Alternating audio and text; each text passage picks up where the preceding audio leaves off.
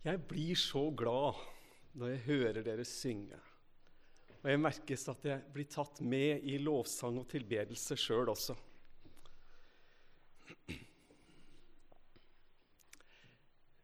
Til høsten så skal vi ha alfakurs i tabernakelet. Og vi har arbeida litt med det, og vi, vi håper at det skal bli en sånn fin anledning til å ha med seg mennesker som kanskje ikke er så grunnfesta i tro. Kanskje de knapt har noe tro i det hele tatt. Men at de kan komme her og så få oppleve å bli mer kjent med evangeliet, for å si det på den måten. Og I den sammenhengen så er det et bibelvers som jeg opplever som så veldig relevant. Det er Jesus som sier i Matteus evangelium kapittel 22 2 og vers 29. For der står det at Jesus svarte, 'Dere farer vill, fordi dere ikke kjenner Skriftene' 'og heller ikke Guds makt'. Hele dette kapittel 22 er jo et veldig veldig spennende kapittel å lese. Vi leser om en sånn konfrontasjon mellom Jesus og fariseerne og sadukeerne. De begynner med å dra fram en, en uh, mynt.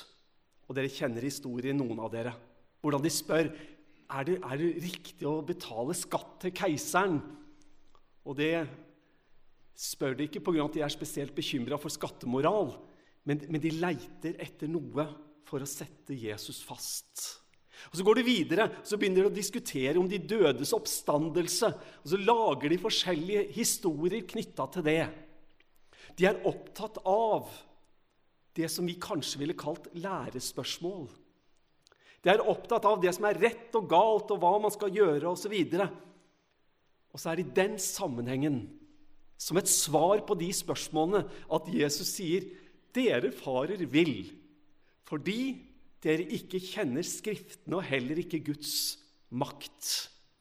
Og her stiller Jesus fram to ting som jeg syns er så spennende, og som jeg tenker alfa dreier seg så mye om. Mange tenker at alfa først og fremst er informasjonsformidling. Og Det er greit at man kan tenke det, men det er egentlig ikke det. Det er ikke først og fremst informasjonsformidling der folk skal kunne komme og vite hva vi tror og lærer.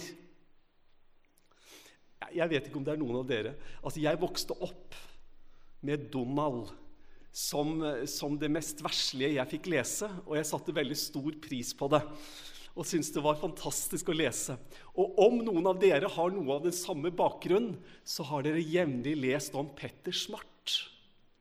Denne fantastiske figuren som hadde svar på alt.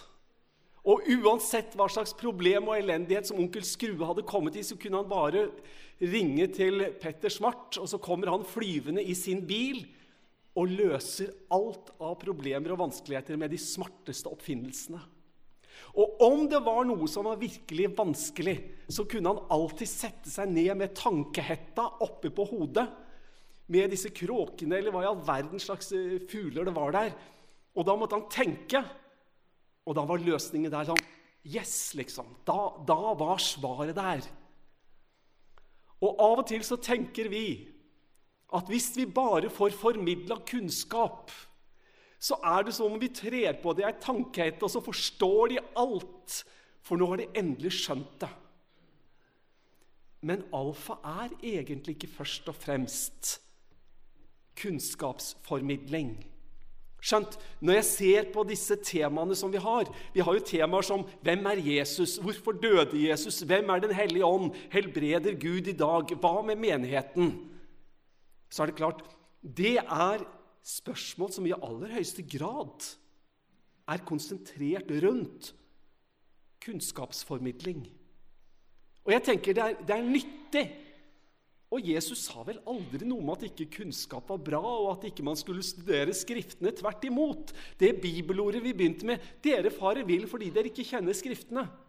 Så behovet av å forstå og få utlagt og få forklart, det er helt, helt sikkert der. Dette er fem av 14 forskjellige temaer. Jeg kan nevne tre til. Hvordan kan jeg være sikker på min tro?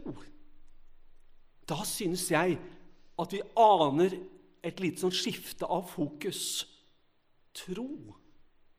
Hva er tro? Hvordan kan jeg være sikker på min tro? Hvorfor og hvordan kan jeg be? Hvordan bli fylt av Den hellige ånd? Dere, Tenk dere å ha kvelder da dette er temaer. Og nå har jeg bare nevnt det er vel åtte av disse temaene, og de andre skal jeg ikke gå inn på. Men, men vi har behov for å formidle kunnskap, ja. Men først og fremst så tror jeg vi har behov av å være med og lede mennesker i en posisjon hvor troen får lov til å, å, å vokse og utvikle seg og ha et fundament. Og dere, dette gjelder ikke bare folk som er helt nye i troa, eller kanskje knapt har en tro. Men det gjelder egentlig oss alle sammen. Vi vokser ikke ut av eller bort fra det behovet. Troa er der som en sånn viktig del av vårt kristenliv. For du vet, når du har fått all den kunnskapen, og, og du har skjønt alt dette her greiene I hvert fall litt av det. Så er det dette, ut, dette begrepet liksom So what? Eller for å si det på norsk, da Hva så? Hva, hva, betyr det for meg? Og Det er et spørsmål man kan stille seg når man går hjem fra en preke, fra en, en gudstjeneste også om alt hva vi har hørt. So what, liksom? ikke sant? Hva betyr det for meg? Og Det kan være utfordrende for en predikant å stille seg sjøl det spørsmålet i den sammenhengen. Hva betyr det? Hvem er Jesus? Hvorfor døde han? Hvem er Den hellige ånd? Helbreder Gud i dag? Hva med menigheten? Altså disse temaene. Hva så? Hva betyr det for meg? Og dette spørsmålet her, det er egentlig nokså viktig. Hvilken betydning skal evangeliet ha? Hva slags betydning skal Skriftene ha for meg i min hverdag? Og Det er da jeg tror at Jesu ord til fariseerne og saddukeerne i det bibelstedet som vi tok utgangspunkt i, at det blir kjemperelevant. Når han sier 'dere farer vill fordi dere ikke kjenner Skriftene' og heller ikke Guds makt eller Guds kraft. Dere opp, har ikke opplevd Guds nærvær. Og da blir det så mye teorier. Dere, det er få ting som forbausa Jesus. Det er få ganger vi leser om at han ble veldig overraska. Nå lar jeg hele den tanken om hans allvitenhet og det ligge nå i denne sammenhengen. Men du, det er få ganger. Men, men det er noen. Det er noen gang, En gang det var rett, altså Jesus er i ferd med å komme inn i Kapernaum. Og så, og så møter han en romersk offiser som kommer, bøyer seg ned og sier, 'Jesus, tjeneren min ligger så sjuk, han er lam, og han plages sånn. Kan du ikke komme og helbrede, eller kan du ikke helbrede han?' Og så sier Jesus, 'Ja, jeg skal komme'. Og så sier denne her offiseren, 'Nei, ikke gjør det'. Du skjønner, Jesus, jeg er ikke verdig at du kommer inn i mitt hus. Men kan ikke du bare si at han blir frisk? Så vet jeg at han blir frisk. Da ble Jesus skikkelig overraska. Det står Jesus ble svært forbauset og vendte seg mot dem som fulgte ham, og sa, 'Jeg forsikrer dere at jeg har ikke sett en så sterk tro hos noen blant Israels folk.' Nå leser jeg i eh, Den levende bibel, New Living Bible. Eh, det står 'Jesus ble forbauset', eller 'Jesus undret seg', står det i andre oversettelser. Altså, Dette forundra Jesus. Dette gjorde han forbausa. Å se en sånn tro. Jesus ble overraska over troa. Kunnskap eller mangel på kunnskap, det var sjelden noe som overraska Jesus. Men dette overraska han. Vi ser det fra en helt motsatt vinkel. Da er Jesus på besøk i Nasaret. Han er der, og, ryktene om han har gått foran ham. De hadde store forventninger. Nå kommer helbredergjøreren. Nå kommer han som har gjort så mye. Og hele byen, tror jeg, var liksom i forventning. Men det skjedde ikke så mye. Jesus er i sin hjemby. Han gjorde flere under, og han underviste dem, men effekten, den var dårlig. Det står mange ble overrasket over visdommen hans og de mirakler han gjorde. Hvor har han alt dette fra? sa de. Så leser vi han var forskrekket over at folket ikke ville tro på ham. Altså Igjen ser vi at Jesus blir forskrekka, forbausa eller undrer seg, blir overraska. Dere har jo sett så mye! Og så er det så mye vantro. Altså, vi, har, vi har sett et par eksempler hvor Jesus blir overraska over troen. Og så blir han overraska over vantroen. Altså, Han har et fokus på tro. Og så tenker jeg at vi må prøve å, å, å se summen av dette. Og da er det noe om kunnskap og tro, sånn som vi leste i bibelverset til å begynne med, som er knytta sammen. Skriftene og Guds kraft. Kunnskapen i Bibelen og nærheten til Jesus. Kunnskap eller tro, eller kunnskap og tro. Mange av oss vi har lest fortellingen. Det er et lite stykke utafor Kapernaum. Tusenvis på tusenvis av mennesker. Og det er tusenvis på tusenvis av sultne mennesker. Og eh, disiplene de klarer å, å liksom regne ut situasjonen. At eh, her er det mange mennesker, her er det mange sultne, og her får vi et problem. Og de foreslår sin løsning. Jesus, send de hjem, sånn at de kan få seg noe å spise.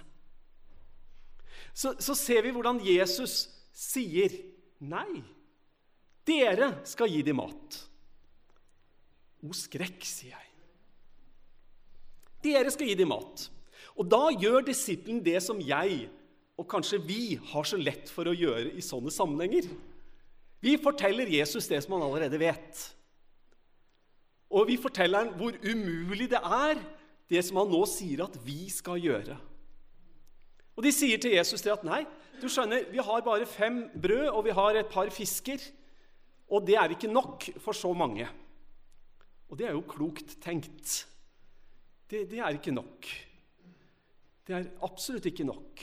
Og det er deres situasjon. Og vet dere hva?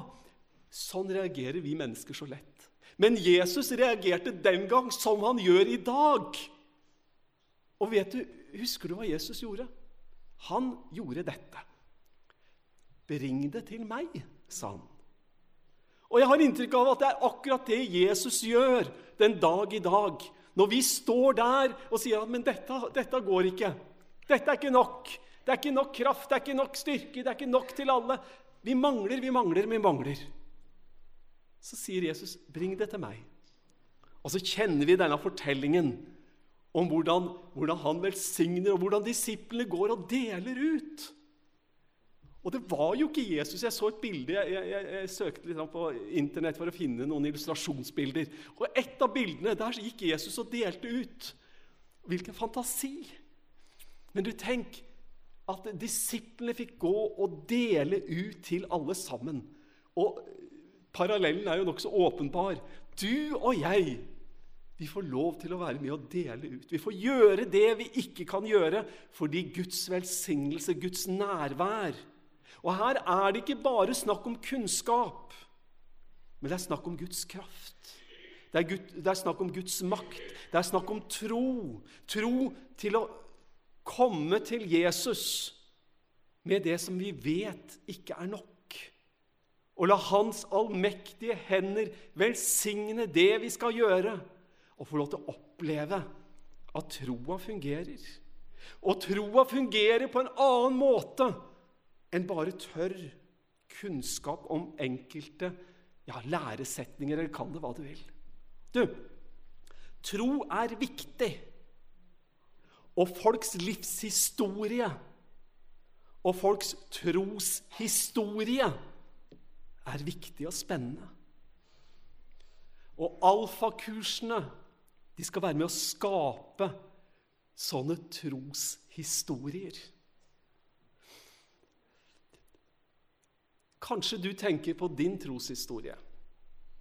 Jeg har mange mennesker som har vært involvert i min, som jeg tenker på med stor takknemlighet. Jeg skal ikke begynne å nevne navn, for det hadde vært veldig mange navn. Og så glemmer jeg noen òg, kanskje, og det ville ikke vært så bra. Men det er mange mennesker som har betydd mye for meg. Jeg skal nevne ett navn. Det er tante Ågot. Henne har jeg nevnt før ved en anledning, husker jeg. Det var Altså, jeg, jeg, jeg, jeg tror i hvert fall at hun var innmari gammel. Alltid. I hvert fall var hun veldig gammel til å være søndagsskolelærer i ungdomsklassen. Og jeg, husker ikke feil, hun var veldig gammel. Men det var noe med tante Ågot og hennes hjerte for mennesker. Og for ungdommer spesielt. Og vi unge ungdommer vi gikk i ungdomsklassen på søndagsskolen. Mye av tante Ågot. Hun har en aksje i mange menneskers liv.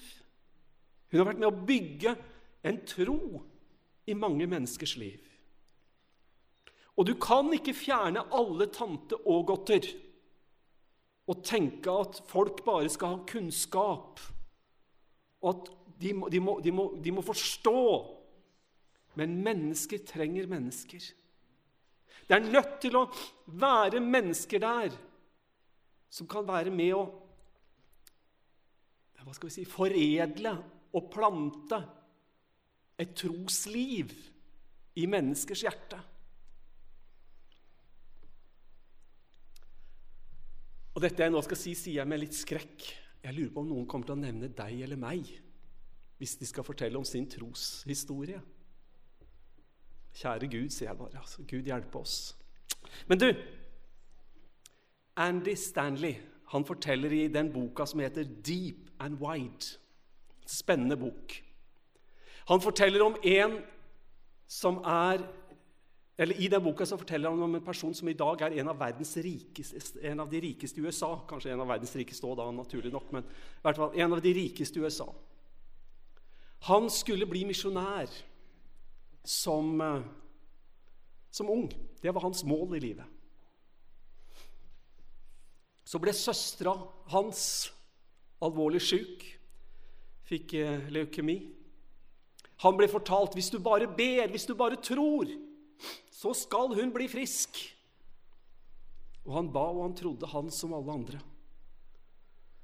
Så døde hun. Og han sitter igjen med spørsmålet om det finnes en Gud, så kan jeg i alle fall ikke stole på han.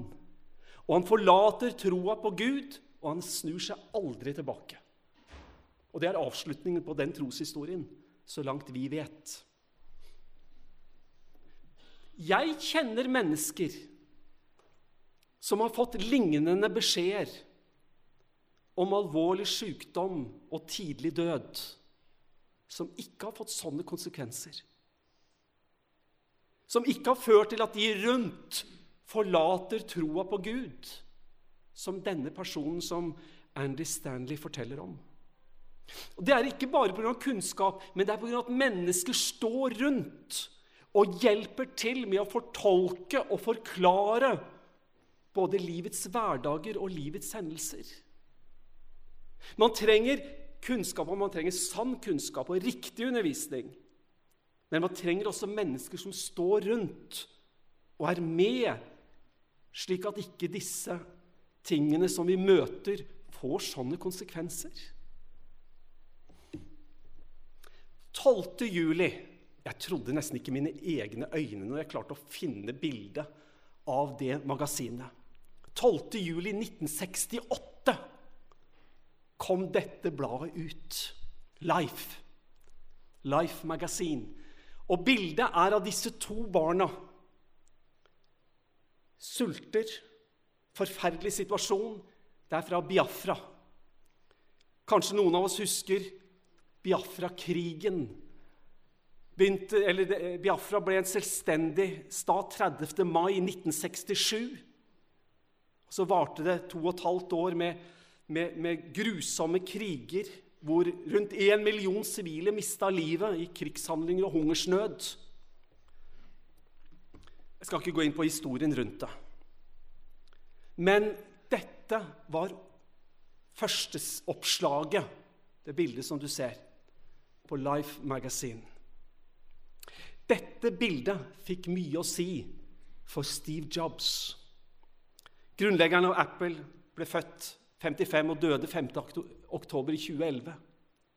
Han, som en 13-åring, så så han dette magasinet.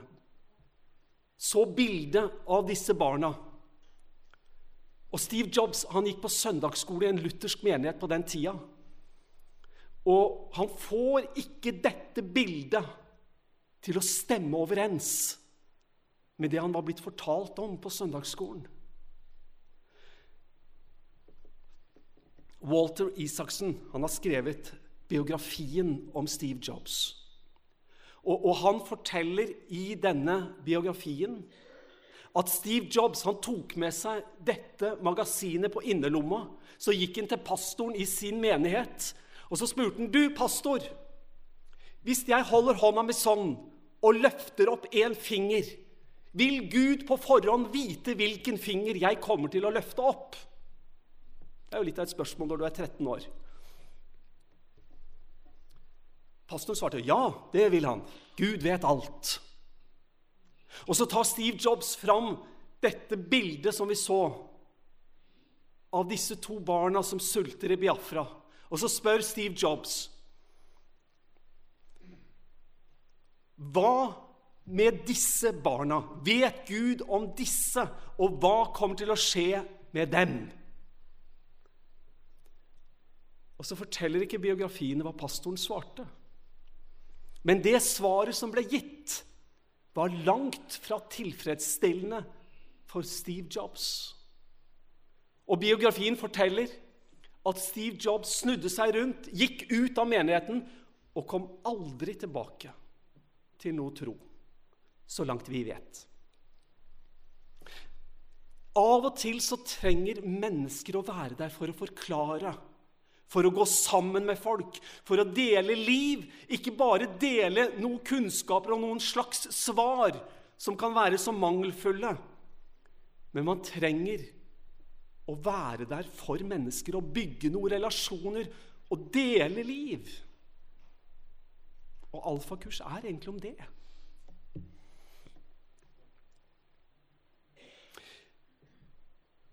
Døperen Johannes Snakk om karriere, i anførselstegn. Å, du verden! Ingen profet hadde vært så stor, så mektig som det han hadde vært. Men så er det oppturer og nedturer. Og nå sitter den mektige profeten, døperen Johannes, i fengsel. Og det kommer ingen engel. Det kommer ikke noe jordskjelv som åpner portene, så at han kan spasere ut. Vi vet hvordan det endte. Det endte med halshugging. Og Nå sitter døperen Johannes, og han synes at ting har ikke blitt sånn som jeg trodde det skulle bli. Og han kjenner tvilen, angriper og han begynner å lure på hvordan skal dette gå. Og vi som betrakter det utafra, sier at nå er han i en troskrise. Og så får han sendt beskjed med et spørsmål til Jesus. Er du den som skal komme, eller skal vi vente en annen? Det er spørsmålet. Og det, det svaret som Jesus gir, det er kanskje ikke det svaret som ville passa for enhver. Men, men for døperen Johannes så var det akkurat det han trengte å høre. Jesus sier, 'Johannes, blinde begynner å se.' Lamme går, spedalske blir friske, døve hører, døde får liv igjen, og de fattige får høre det glade budskap. Trenger du å høre noe mer, Johannes? Og Jesus han siterer jo fra Det gamle testamentet, og Johannes han hører ekkoet fra hele Det gamle testamentet som roper inn i hodet hans. Det er meg, Johannes. Det er meg.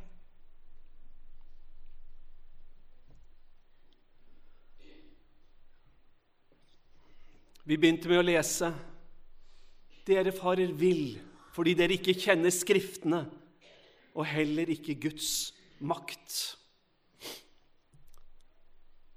Både vi og folk som kanskje er nyere i troa enn oss, vi trenger å lære å kjenne Skriftene. Vi trenger fellesskapet med medmennesker. Vi trenger å oppleve Guds nærvær i våre liv. Og vi trenger å forstå at tro ikke bare dreier seg om kunnskap, men at tro dreier seg om en relasjon. I denne sammenhengen jeg har så mye på hjertet. Men jeg var klok nok når jeg forberedte dette, til å erkjenne at så mye mer enn dette skal jeg ikke si i dag. Men jeg skal fortsette neste søndag. Jeg gleder meg sånn til å tale to søndager etter hverandre. Og, og jeg skal fortsette å utvikle noe av tanken, og la meg gi deg en spissformulering i denne sammenhengen. Vi snakker om at tro er en relasjon. Og for å spissformulere det som jeg sa Hva er viktigst? Å bli tilgitt av Gud eller å bli tilgitt av mennesker? Så kan man jo tenke på er det en aktuell problemstilling. Og ja, faktisk. Jeg tror det. Jeg tror det er kjempeaktuelt. Hva er viktigst? Å oppleve å ta imot Guds tilgivelse eller å ta imot menneskers tilgivelse? Du, I forbindelse med alfakursene våre så skal vi prøve å sette tinga inn i en større sammenheng. Det skal ikke bare dreie seg om meg og mitt. Det skal ikke bare dreie seg om enkeltpersoner. Men vi skal få lov til å se at vi har en plass i et større bilde. At vi er, vi er skapt i Guds bilde for sammen å være med å utgjøre en betydelig forskjell for oss og våre medmennesker. 13.9. klokka 19 så starter vi opp. Og så blir det onsdag 20. september med den første vanlige, ordentlige samlinga. Og så tenker jeg Er det noen du og jeg ber for, som vi tenker, kjære Gud, de skulle vi fått med oss? Han eller hun eller de, de hadde hatt godt av en sånn sammenheng. og Kanskje vi kunne fått dem med oss, ikke bare for å gjøre noe for dem, men det hadde vært godt for, for begge parter å være sammen. Folk har så mange spørsmål, de møter så mange ting på, gjennom livet. Og er det noen som skal være der og korrigere, være et medmenneske når vanskelige dager kommer, for å forhindre at de bare snur ryggen til alt som har med tro å gjøre? Ikke fordi det skjedde, men fordi det ikke var folk der til å være med å korrigere og forklare og fortolke. Som jeg nevnte, jeg skal avslutte med den tanken. Vi vet at den samme ting kan skje to, to mennesker, og resultatet kan være vidt forskjellig, som jeg nevnte.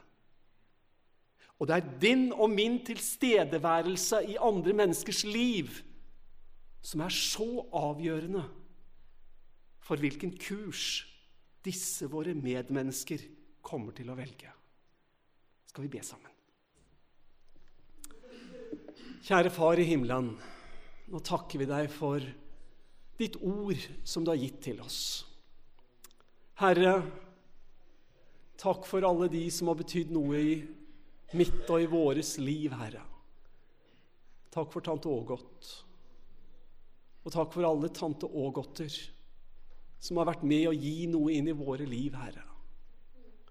Så ber jeg deg, Herre, om at vi skal få lov til å bety noe for andre mennesker også. Hjelp oss, Herre, til å være en støtte og hjelp i tunge og vanskelige stunder. Og hjelp oss til å kunne glede oss med de glade og sørge med de sørgende. Takk, Herre, for at du er alltid hos oss. Takk for at du aldri forlater oss. Takk, Herre, for at du har lovet å være med oss alle dager. I Jesu navn. Amen.